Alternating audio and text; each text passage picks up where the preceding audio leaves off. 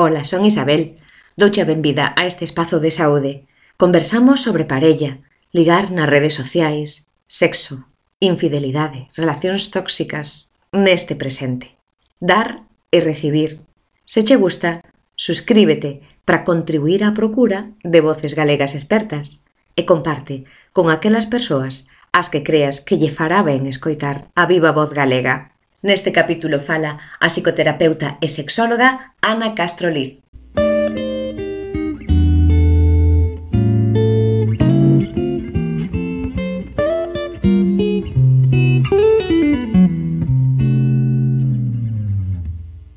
Ola, Ana. Eh, é para mí un verdadeiro honor que hoxe conversemos e ademais fagamos partícipes a máis persoas. Creo que eh, Son tempos nos que temos que adaptarnos moi rapidamente a cambios que se producen, que é unha cuestión o desafío de adaptación a estes novos tempos.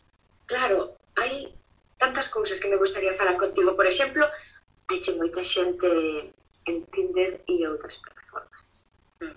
Escollemos parella ou escóllennos ou eso é inconsciente temos aí na mente unha idea do que queremos a hora de buscar, debemos buscar, e bueno, debemos facelo. Eu son das que creo que aparecerá. Non é unha cuestión de buscar, pero anda que non hai plataformas e horas e horas de búsqueda daquela que está pasando. Porque además creo que ao longo do confinamento e demais, bueno, era unha maneira de socializar, entre outras. E de, e de matar o tempo libre, porque non nos olvidemos que que non nos enseña a aburrirnos, a distribuir o noso tempo, a gestionalo e, por suposto, a disfrutalo. Non disfrutamos de nós, entonces buscamos tapar eso con outras personas. Eh, decías antes, Isabel, que eh, que o que fai que, que, que, que escollamos? Esco, escollen as nosas feridas. Por iso é importante sanar esas feridas, non? todas esas situacións que son como traumáticas que arrastramos que non están solucionadas, eh, por exemplo, se si ti tes unha sensación de abandono constante e o tes moi latente, tes moitas posibilidades de que todo o que vayas atopándote na túa vida seña así. Eh, habrá xente que pense, pero bueno, que somos como maxa ou somos como un receptor, un, unha especie de, de, de, de antena, non? sí que somos porque funcionamos según o noso subconsciente. O subconsciente o que está latente todas esas cousas eh, emite como a nivel de ondas todas esas carencias. E por eso nos vamos atopando con situacións que hai moita xente que che dice pero eu non salgo dunha e nen entro noutra. entonces sí, hasta que... non... que sempre dou con ese mismo tipo de persoas. E non quero. Sí, sí, sí, sí. Pero non te metas en aplicacións si non tes curado, o sea, sí que se poda atopar a xente moi riquiña, moi maja, eh, e moi que poda ir contigo en un plano de felicidade. Pero se ti vas dende o medo a estar solo, que te vas a topar con xente tamén que teña eso. Se vas dende cubrir unha necesidade, o mellor vas a estar con alguén que está falando contigo, pero está falando con 25, entonces aí non vai haber moito compromiso. entonces é interesante saber dende onde ti partes a hora de conocer a alguén e sí que decide o noso subconsciente cando está ferido. Cando o noso subconsciente está sanado, xa xogamos noutra liga. Xa a liga na cal estamos xa mm, dende de outra posición. A veces hai xente que, que se deixa e pasa tempo e volve. E ese tempo foi necesario para sanar un mesmo as propias feridas, yes a outra persona, senón non, non te volverías a xuntar. E se te xuntas e ves a outra persona do mismo xeito, é para que aprendas, é como que te repiten a lección, no? a ver, a ver, ates aprendida, que tes que facer aquí, seguir ou deixar? Entonces moitas veces pasan esos guadianas, relacións guadianas que chamou, oh, que suben e baixan, que van e veñen, para, para re, reafirmar a tua decisión. En Athena hai realmente parellas tóxicas. Ou é porque nós xa nos volvemos a meter en leas nas que non deberamos, porque non fixemos os deberes previamente. Non hai unha parella tóxica, o sea, non hai un miembro tóxico, son os dous. Os dous miembros, porque se a túa relación é, e ti non paras de dicir que tóxica é, mira que me fai, e logo ti eres a tóxica porque estás todo o rato falando mal, inda que seña mentalmente hacia ti ou a túa amiga de alma ca, cal te desafogas, pues permaneces aí. Entonces, o primeiro tóxico eres ti. Vale, é outro nivel de toxicidade. Ti non lle farás ese daño directo, pero mellor mentalmente estás eh, insultando todo o rato, estás botando pestes pola boca. Entonces, ou por exemplo, que bonito que me protexe esta persoa, pero finalmente eso transformase nun control. Bueno, claro, sempre, mira, nunha relación Isabel, tóxica para que continúe, e, e continúa é porque sempre hai un beneficio para os dous, hai un beneficio, hai un interés, vale? Me interesas, non me faz feliz, pero me interesas. E saco algo dai. Bueno, non, non fai isto, pero me fai isto outro. E logo porque sigues, bueno, para ver si me fai o que me falta. entonces te quedas aí esperando a ver si chega eso e sobre todo crees que eres ti o que tes que facer algo, pero en realidad non che gusta esa persona. Entón, se estás en a ver se si cambia, e non estás enamorado desa persona, estás enamorado da expectativa que ti tes do amor e do que crees que se ten que acabar convertindo esa persona para que che faga feliz. Entonces aí está moita xente, pois pues, está vacía ou está pois pues, sin saber realmente o que quere, entonces se deixa querer por xente que cree que quere algo máis ou que sabe algo máis do que quere. Entonces hai moitas relacións así deste tipo moitas. Dúas preguntas. Está sobrevalorada a vida en parella? E que é unha parella sana? Unha parella sana é unha parella que se aporta o que os dous miembros da parella pactan aportarse. É dicir, e se non apartan, que se non aparta. Aí está, porque moitas veces creen, a xente cree que eu quero unha parella como os veciños meus que vexo, pero ti que sabes como son de portas para dentro, que a mellor de portas para fora todo o mundo me, hai que ver xa como funcionan moitas relacións eh, tóxicas de portas para fora parecen perfectas. Vale, entonces, e máis con máis nas redes sociais, non? Porque aí hai moito postureo. Entón, podes idealizar unha parella, querer inspirarte en conseguir eh, ter unha relación coma esa, pero nada que ver, porque bueno, estas parellas que teñen o mellor un tipo de vida pois eh, que lles permite viaxar moito e se sosteñen solo polos viaxes. Entonces mostran esa, esas fotos idílicas con esas poses maravillosas e, e despois son personas que mellor están de viaxe, están todo o rato co móvil ou non se falan ou están na casa pegados a series para non aguantarse. Entonces Claro, ti, o, o primeiro é, mm, cando falamos de parella, hai que falar ca parella propia, de as dúas polaridades que temos, a parte masculina e a femenina. A eso me a diferir, porque isto é algo moi interesante que ti comentas eh, nos teus libros, e que non ten que ver co xénero. Porque eu creo, sinceramente, que amar significa amar, quero dicir, dame igual, eres un ser humano, entón eu podo amarte, Logo, outra cousa é que que máis eu teñamos algún tipo de feeling sexual e que iramos manter relacións sexuais. Logo, se queres, falamos un pouco diso. Pero o certo é que en cada persoa hai esa enerxía feminina e esa enerxía masculina que é independente do xénero e que creo que igual non temos presente. Non, son como cualidades ou características eh, que van impregnas a nós desde que nacemos, heredadas, moitas deles, a gran maior, maior parte, pero despois tamén eh, potenciadas, é dicir, por poñer un exemplo, unha, a parte femenina non sei a parte da intuición, non? a parte afectiva, a parte masculina é a parte de decisión, de, de, de toma, toma de decisións, non? de prender, por exemplo, cando te, temos unha depresión, temos que poñernos a veces moito tamén para arrancar na parte masculina, para emprender, para crear, porque iso que nos saca da, da primeira fase dunha depresión. Pero despois a parte que nos mantén para non recaer a parte afectiva, de reconocimiento propio, un pouco para que nos vayan captando a xente que nos está escoitando, non? Entonces, bueno, no meu libro da, de tu cuarentena me falo aí máis do, do que as polaridades e de como podemos casar e ter unha boa relación de parella entre nós para despois tela con a parella que tamén teña unha boa relación entre as súas polaridades. E que é para ti unha parella sana, Ana?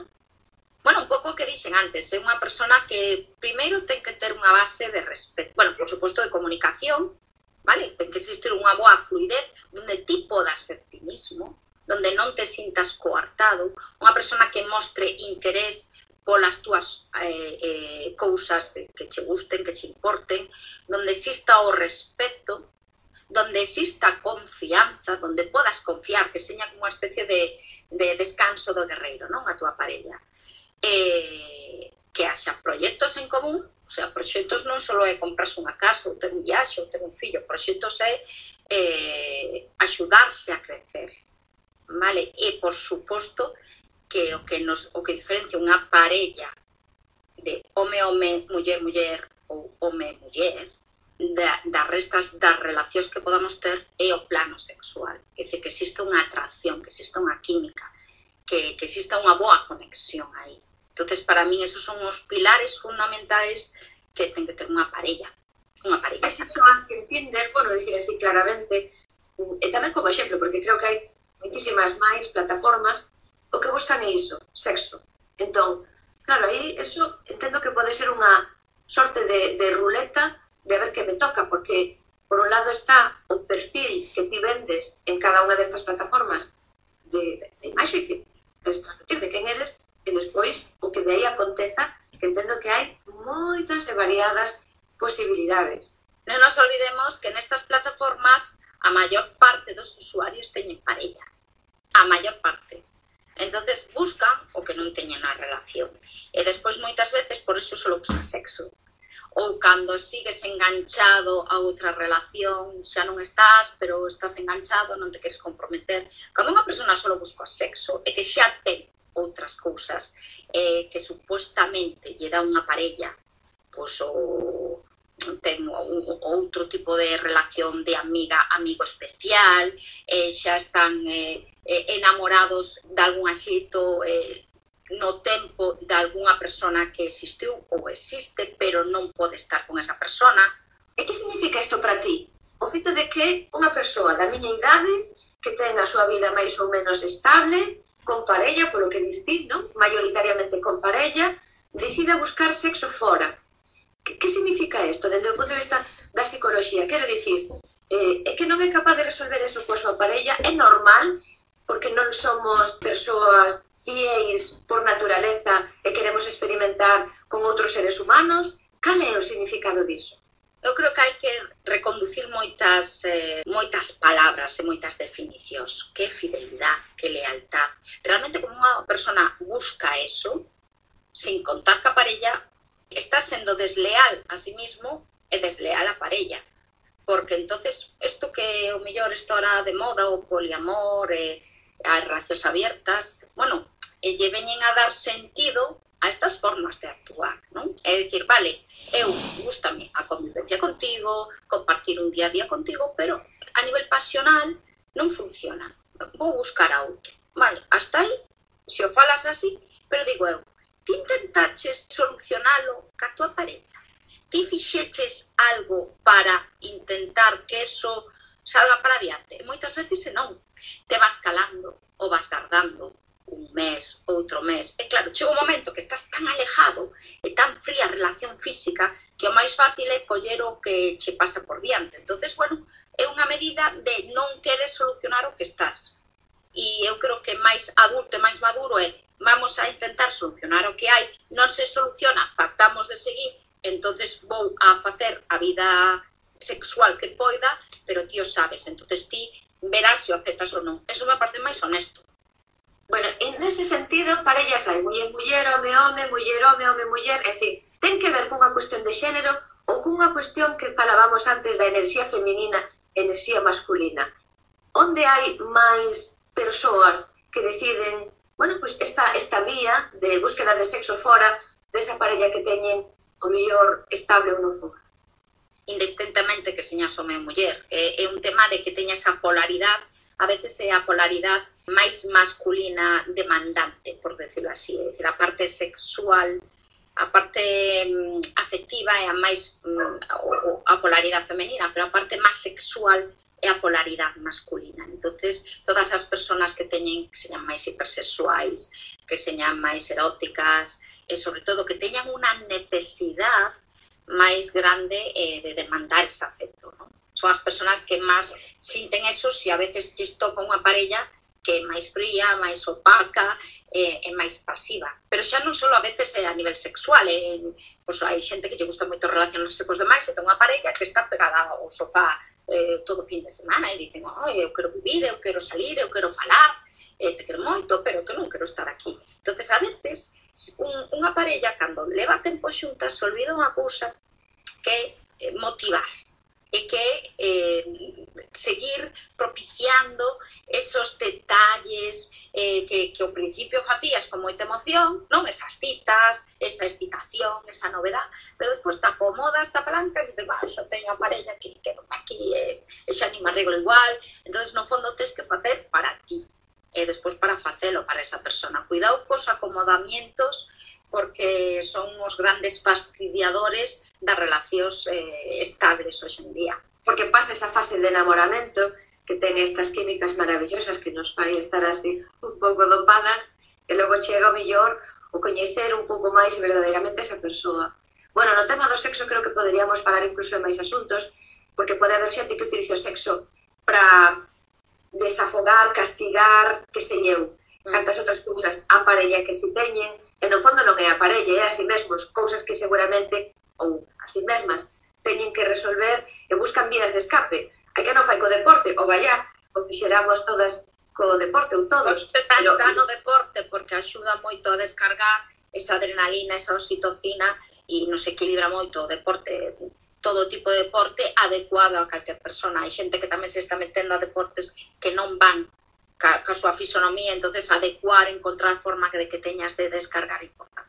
Quería comentar ainda deste, deste libro que falas da autoestima, porque ven pensando un pouco, non? Esta cousa de revisar verdadeiramente como estamos, para non meternos o mellor en leas de parellas, de sexo, que o que vai ao mellor é a complicarnos máis a vida, ou o mellor tamén a, Mm, facer que se visibilice máis ese problema que temos que resolver, porque aí entendo que hai valores propios que debemos de revisar, que debemos de darnos conta de si somos narcisistas, de si estamos tendo unha actitude victimista, e que eso, se non nos revisamos, vai nos a levar a esas relacións tóxicas, sobre as que eu, cando escoito alguén que me di que eu veño dunha relación tóxica, eh, non, é que esa persoa era tóxica.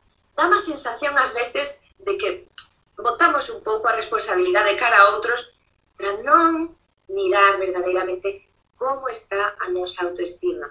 Ana. No, o que comentaba antes, o mellor sí, esa persona era eh, non, non o facía ben, eh, era unha que teña comportamentos non sanos, sí, pero por que te quedaches? Entonces, te quedaches porque non te sabes querer, te quedaches porque ti normalizaches esa forma de funcionar, porque seguramente xa tiña contigo amistades cando ibas ao instituto, os teus pais, entonces eso é onde hai que traballar. O sea, sí, vale, está moi ben identificado de onde veño, o que me fixeron. Vale, eu cando falo, eh, cando traballo en terapia, non lle dou moito bajo a eso, ese, o decimos unha vez que dai. Ahora vamos a ver, que grado de responsabilidade temos nós para habernos descuidado e haber aguantado. Por que aguantamos? Entonces, sin culparnos, vale? Senón responsabilizarnos, porque se nos seguimos convertindo en víctimas eternamente. Un víctima se recrea no victimismo e seguirá repetindo as conductas víctimas. Entonces, xa está ben de victimizarnos, de ten que haber un malo e eu son o bon. Hai unha persona moi ferida, seguramente máis ferida que ti, que tiña esos comportamientos e creía que éramos correctos, e en ti está a responsabilidade, a responsabilidade de identificar que eso non vai contigo e tens que descubrir que é o que vai contigo, pero primeiro hacia ti mismo. E hacia ti mismo é poñer límites, é dicir, non, isto non vai comigo, ou cambias ou eu aquí non me quedo. entonces hacia aí, hacia onde temos que ir, hacia esa autoestima de poñer límites. Eh, de ver como podemos empoderarnos, unha palabra que me parece moi interesante, moi inspiradora, en tanto que é como que cando eu caio na conta de algo que estaba facendo dun xeito e elixo transitar a continuación con outra actitude parece que cambia, é como cando cambias un filtro dunha fotografía e todo está en laranxa, ou todo vai a negro, ou todo vai a branco, ou con moitas cores, non? Eh, pareceme francamente interesante todo o traballo que desenvolves. Vou a lembrar que xa había este maravilloso libro de Ana Castro Lid, que me parece moi interesante para poder comprenderse tamén a unha mesma, a un mesmo, e a partir de aí ver se o mellor temos que revisar sobre todo crenzas que teñen que ver con ese príncipe azul, tantos contos, tantas películas, de Disney, de Hollywood, que nos falan de e foron felices e comeron perdices, e despois a pregunta é, e atragantaronse o que? Como dixeriron? Que a partir de aí, que pasou? Teño que decir que o, o cantas ranas hai que besar hasta encontrar o, o Príncipe Azul escribino no ano 2015. É un libro que realmente libro en sí escrito é como un 20-30%, o resto pois, son artículos que xa tiña escritos para o Progreso, que é onde colaboro un artículo semanal de, de, do ano 2008 e no Diario de Pontevedra, eh, fixeno, bueno, eh, adapteino, non? Pero viña a decir algo que nese momento eu estaba vivindo como trintañera nese momento eh, de xente que me atopaba ao meu alrededor de creer que tiña que ter un tipo de vida porque o había escoitado das, das súas nais de, dios mío, a esta edad sin, sin fillos, sin casar, y un pouco para desmitificar esas creencias limitantes de, de, de sentir de que temos que facer o que fan os demais. Eu estou a procura de persoas galegas que fan traballos interesantísimos. Ana, ti para min eres, dende logo, un motivo de inspiración, de seguimento e de admiración.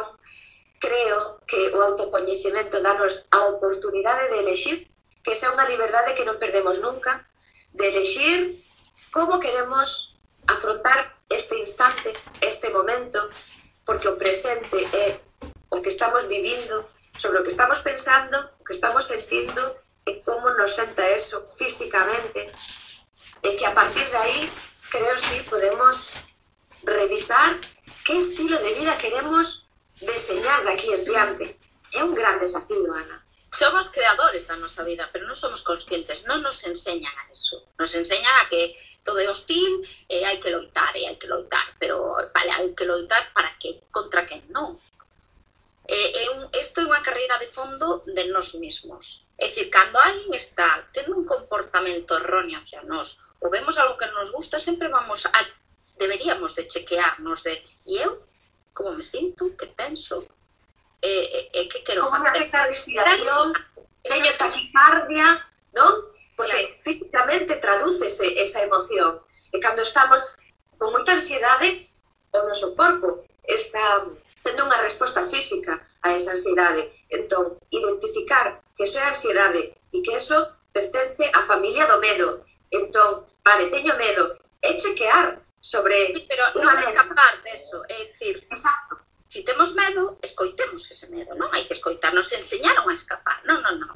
Teño medo, vou non escoitar, vou me a escoitar, porque ti cando estás con alguén que te sinte medo ou estás con alguén que pasa mal, a que escoitas, intentas protegela, pero por que non o facemos con nós? Por iso é importante que esteña alineado o que pensamos, o que sentimos e o que queremos. E entonces a partir de aí actuamos se empezáramos un poquillo máis a ter ese tipo de coordinación, a nosa vida cambiaría e, sobre todo, poderíamos crear situacións máis desexables, máis felices eh, e donde disfrutáramos.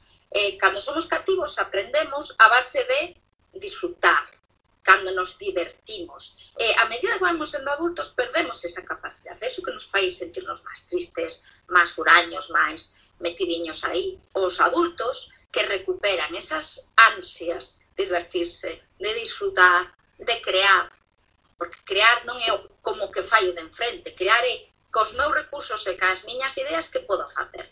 Pois a partir dai a vida sí que gana un plus e, e un sentido de por que estás aquí. E a veces necesitamos encontrar ese sentido para seguir neste presente e a ver hacia o futuro o que nos depara. A mí unha das cousas que máis traballo me costa, Ana, é isto que chegou a dicir. Creo que é o 80% das cousas que me pasan, que nos pasan, están fora do meu control. Eh, unha mínima parte, tal vez sexa menos incluso dese 20%, son sobre as que sí podo actuar. Vou poñer, por exemplo, esta conversa, eu pensei na, eu ilusioneime, sentín esa ilusión por poder mantela contigo, entón eu traballo nese pequeno tanto por cento para que poida ocorrer eso que eu planifiquei, ideei e deseñei contigo. Agora, claro, logo hai circunstancias, pode caer a rede, pode faltar o son, en fin, poden pasar tantas cousas que non quero ni pensar nelas. Se o fago, terei medo, probablemente terei angustia, terei ansiedade, ou seja, que aceptar que eu teño desexo de que isto ocorra. Este é o meu obxectivo. E podo participar ou controlar tan pouquiño tan pouquiño, en que eso sexa realidade. Nos enseñan o que hai que dominar, o que hai que controlar, o que hai que someterse. Non, hai moitas máis variables. Non hai que controlar todo, é moito menos mm, eh, o tema da tecnoloxía, é que hai moitas cousas que me producen rechazo porque eu son máis mente emocional ou, ou, ou por outras... entonces bueno, me adapto o que poda ser, pero hai outras cousas que non casan comigo. Imprevistos que se solucionan ou non, neste caso se solucionou, pero o importante non é que ese imprevisto condicione o realmente interesante que poder conversar, compartir e sobre todo, xa non solo entre non as dúas, e que a xente que nos escoite diga gustame o que están dicindo, resueno e mira o que están contando me está axudando ahora porque me fai reflexionar sobre algo que eu estou vivindo ou alguén que conozco. Entón, iso é bonito de este tipo de situacións directas que eu cando me pongo a escoitar a xente, mm, a veces, bueno, pues ven aí o noso ego, empezamos aí a que se, si eu, que si fago, que si fixe, pero tamén o bonito é cando ti falas pensando en todas as persoas que te están escoitando e que o que falas lles vai a chegar e as vai a axudar. Para min eso é interesante deste tipo de situacións. Bueno, eu é humildemente o que quero aportar entendendo esta cousa de a vida é aquilo que sucede mentres unha vai facendo plans. Claro, logo eses plans traducidos na realidade son de outro xeito, e claro, aceptar, digerir como é ese outro xeito, eu creo que é onde bueno, a psicología, a inteligencia emocional, o traballo que te desenvolves, Ana, é tan fundamental, porque a veces as ferramentas que dispomos son moi limitadas e ademais que teñen que ver con herdanzas, herdanzas do que vivimos na infancia, herdanzas dos patróns que seguimos inconscientemente, sexan paternais, maternais ou de outros referentes de cuidadoras ou cuidadores. Este momento para min post-pandemia o que me invita é a, a compartir, xa digo, aportar, sei que isto pode ser así, aportar como a través de conversas con persoas tan inspiradoras como a ti se pode facer algunha revisión que nos axude nese mínimo porcentaxe de dicir, ah, pois agora vou elixir deste outro xeito. Porque iso é posible. Non é doado. Ana, Mira, unha cousa, Isabel, maravillosa que faz, eh, por suposto, con esta iniciativa da cal, bueno, me sento eh, moi afortunada de poder participar hoxe contigo, pero creo que eres tremendamente generosa, tes un talento es estupendo de, de moitos anos de experiencia e escoitar. E tamén é saber facer esas preguntas totalmente adecuadas e concretas para que unha persona transmita e poda aportar e sobre todo chegar aos demais. Eu, eu creo que algo que temos que aprender de toda esta situación, bueno, moitas, non? A parte humana, a parte afectiva, a parte de, de cooperar, eh, de colaborar, pero pero o tema de escoitar, necesitamos moito, eu doume conta, non? no meu traballo, que a xente necesita compartir e que a veces ten un entorno super numeroso, pero non escoita. entonces escoitar dende a empatía de te escoito, pero xa non vou a contraatacar e ao momento miro pa aí escoitar, estar no presente, escoitando que ti queres aportar, si todos escoitarmos máis, é que sería tan bonito e evolucionaríamos ata un plano moito máis de unha conciencia máis eh, humana que, que é o que nos falta. Si, si os que nos están escoitando, que están escoitando isto que eu estou dicindo, quedan co de escoitar, a partir da escoita o teu amigo, o teu pai, o teu compañero de traballo, escoita, É dicir, quédate sen ter que rebatilo, eh, realmente con empatía, entendendo e respetando eso, sobre todo dependendo que collendo con moitísimo cariño, eh, es, simplemente a forma de decir en que te podo axudar, que podo facer por ti, dime, guíame, que podo facer, isto a mellor axuda que podes facer, facer por calquer persona que, bueno, que contando algo que aquí te diga non está pasando. dar e recibir. Eu agradezo moito a túa xenerosidade, Ana. Hai un desexo pola miña parte que noutro momento afondemos no contido tanto de este libro tremendamente recomendable, Tu cuarentena, que é unha maneira, unha viaxe cara, como viaxar cara ao interior, e sentirse mellor. Eu síntome moito mellor despois de aprender certas ferramentas, de ler estes libros, por suposto, a hora de ver os instantes pero con máis cores, non só con un ollo, sabes? Non só con, con unha única mirada. E hai moitos asuntos interesantes tamén neste libro que acaba de sair de Ana Castro de aprender das propias cicatrices, poñendo ese dedo na xaga do que supón unha ruptura afectiva, se pode revisar dende o do, dende o dolor, dende o duelo, mm, moitas cuestións que finalmente teñen que ver comigo, porque outra persoa vai a facer pois a súa parte, eu non lle vou a facer a parte da outra persoa. iso ás veces tamén complica moitas cousas, non? Encargarse unha de resolver a miña parte tamén a do ex, ou a da ex. Mm, encárgate da túa. Eso, control. Claro, está, aí está. Bueno, teño que decir que para as persoas que nos estén escoitando, que sepan que o de tu cuarentena, como como viajar a tu interior, é un libro de autoterapia individual, pero que te axuda a entender moitas cosas, como dixemos antes, do teu proceso dende a infancia hasta a etapa adulta, sobre todo como sanar as túas feridas, eh, que vale para todos os públicos de todas as edades e o libro de Aprende tus cicatrices é un libro mm, para superar un duelo afectivo, pero tamén para xente que, bueno, pues ten situacións con amistades, que non dá superado a certas traumas que lle fixeron ou, ou traicións, entonces tamén te axuda ese tipo de, de duelos, non? De, de situacións que se che repiten eh, eh, bueno, que vale tamén eso para todas esas persoas que ambos libros están en Amazon, Editorial de Letras, e senón tamén na miña página web anacastroliz.es, entrades aí, tamén eh, eu teño exemplares e vos os podo enviar.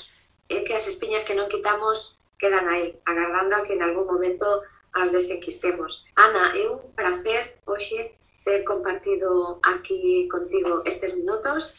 Eh, agradezo che moito que estiveras aquí con nós, pero tamén tes consulta. E sei que estás agora mesmo nun momento con moito traballo. Entón, se hai persoas que están interesadas en contactar contigo, que recomendación lle darías? Anacastolid.es, aí está a miña página web, aí está toda a información, consulto en Lugo, tamén teño consultas online, Eu vivo en Porto Marín, tamén fago consultas en Porto Marín aos peregrinos que pasan por aquí, porque moita xente me, me ve, entón, vou pasar por Porto Marín tal día, entonces as consultas que fago aquí, pois son pois, camiñando, vamos, eh, facemos unha rutiña, lemos un jardín, se fai ese tipo de traballo. Hai xente que ven facendo o camiño de Santiago mm, buscando non eh, bueno, unha especie de tempo con un mismo compartido. Cando veñen por Porto Marín, me, me encontran e ven que eu tamén fago este tipo de servicios e me dicen, oye, vou por estar por Porto Marín tal día, nos vemos. Quisera que pecharas ti, Ana, este directo cunha reflexión neste instante, neste momento. É algo que me gustaría eh, facer así unha especie de resumen breve, a ver como eu fago cando dou un curso e lles digo a xente, con que te quedas, non? Entonces, eso me quedo con que eres estupenda, eres maravillosa, que te admiro moitísimo, que tamén hai que decir que ambas nos uniu un programa na Radio Galega fai tres anos e que tuvemos unha conexión brutal porque nos reconocimos como guerreiras, as dúas superamos un cáncer fai, fai tempo e, e simplemente digo que, que hai que estar, que hai que loitar, e, pero que hai que loitar non con, con puños e, e, e con, e con, ferram, e con armamento, senón que a vida a veces é eso, é camiñar, é facer, a veces hai que caerse e hai que estar abaixo un rato e, e despois habrá momentos en que te axuden, habrá momentos en que teñas que camiñar ti sola ou solo e non pasa nada. Entón o tema é tamén seguir que todas esas personas que lles poda en este momento resultar complicado que lles poda estar sucedendo, que hai que seguir, hai que seguir. E non podes, ahora non podes, admite que ahora non podas, incluso hai momentos en que non hai nadie que te escoite, non hai nadie que tire de ti, pero sempre hai algo que vai a suceder se o pides, sempre vai a vir alguén eh, que te dé unha señal e hai que estar coas orellas abertas e os ollos para velas. Simplemente que, que pa diante. E hai xente que está atrapada en cárceles propias. entonces para todas as persoas que están así, hai, hai salida, eh? Pouco a pouco iremos abrindo fiestras neste senso. Moitas grazas, Ana, de corazón. Eh, o nos volvamos a encontrar por aquí ou por calquer outro camiño. conta conmigo, aquí metes, é un placer haber compartido este tempo contigo e con todas as persoas que, que nos acompañaron e, sobre todo, só te podo decir que gracias.